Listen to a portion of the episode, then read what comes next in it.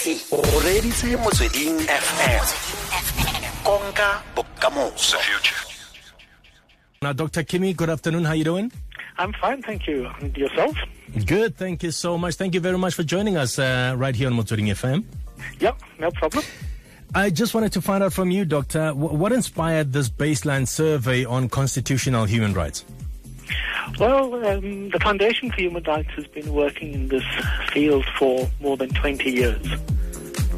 With one of its key objectives is improving awareness and understanding of the Constitution. And it's important to be able to get some objective data on how well that job is being done. Of course, it's not only our job, there are several other institutions involved. Uh, Chapter 9 institutions like the Human Rights Commission and the Gender Commission, etc. But we didn't have good data on a national level on exactly how well South Africans know about and understand their constitutional rights. And that's why we went out and did this very large survey. Okay.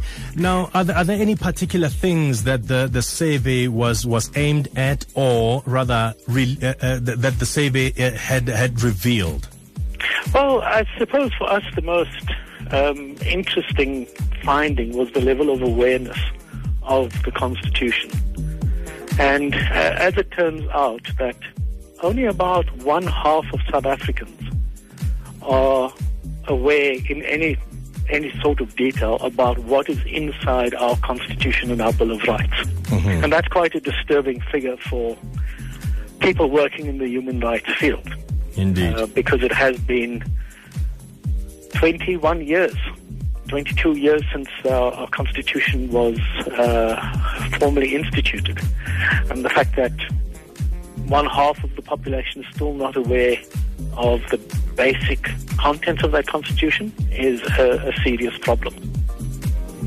Uh, it is a problem indeed. I, I, I can only imagine uh, and not knowing exactly the kind of constitution you're living under. It's, uh, it's quite a problem indeed. Now, the baseline survey's final sample consisted of, uh, of nearly 25,000 interviews. Yes. And it provides insightful and very useful information on a number of issues, all of which are, are highly relevant and much uh, uh, of much interest in the country at present. What information came out, uh, you know, of the final sample?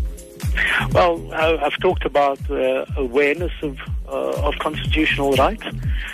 There were some interesting findings that, uh, even though people weren't aware of the content of our constitution, uh, about just over sixty percent thought that the constitution was a good document.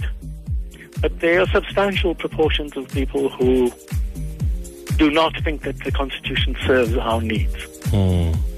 And you know the the follow on point from the awareness uh, issue is that if you're not aware of your rights, it's going to be very difficult for you to prosecute those rights. So if you are the subject of discrimination or unfair treatment, knowing that what exactly the content of that discrimination is and being able to then find the avenues that are legally and constitutionally available for you to prosecute those rights, to, to remedy uh, uh, the discrimination. That is um, clearly, if you don't know about the Constitution, that's going to be a very difficult step.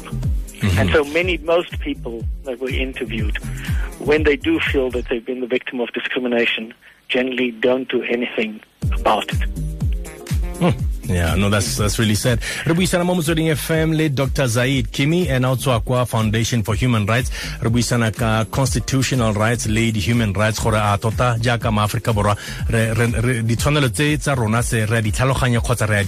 Doctor, um what, what advice would you give us in terms of, you know, uh, the interest that can grow within us as human beings to to take heed of constitutional and human rights?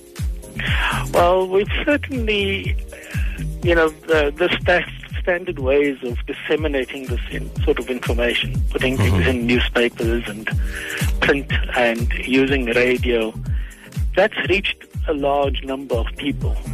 But I don't think it's reached the, the people that need it most.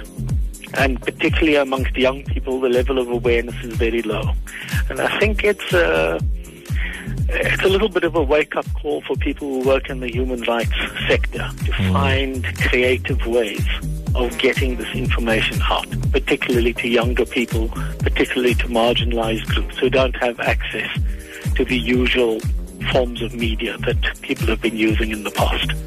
I would suggest putting putting information in songs because young people are, are more uh, uh, more leaning towards you know listening to music these days, and plus because they have smartphones and all these gadgets, yeah, it's easier think, for us to reach them through songs. Using uh, video, um, animation, these are some of the things that we have to think about. Um, yeah, you know, Twitter and Facebook can't only be used for you know finding Yeah, out yeah. what the latest pop stars are up to. We need to be able to have an, uh, a presence in those media forms as well.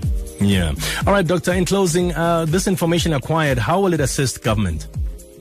We're hoping that through the Department of Justice and Constitutional Development that we'll be able to institute programs that get people the information they need so that where we have things like equality courts, we have things like the proposed hate crimes bill, that they don't just stay uh, things on paper, that people can go out and use these and um, change their lives for the better, we hope.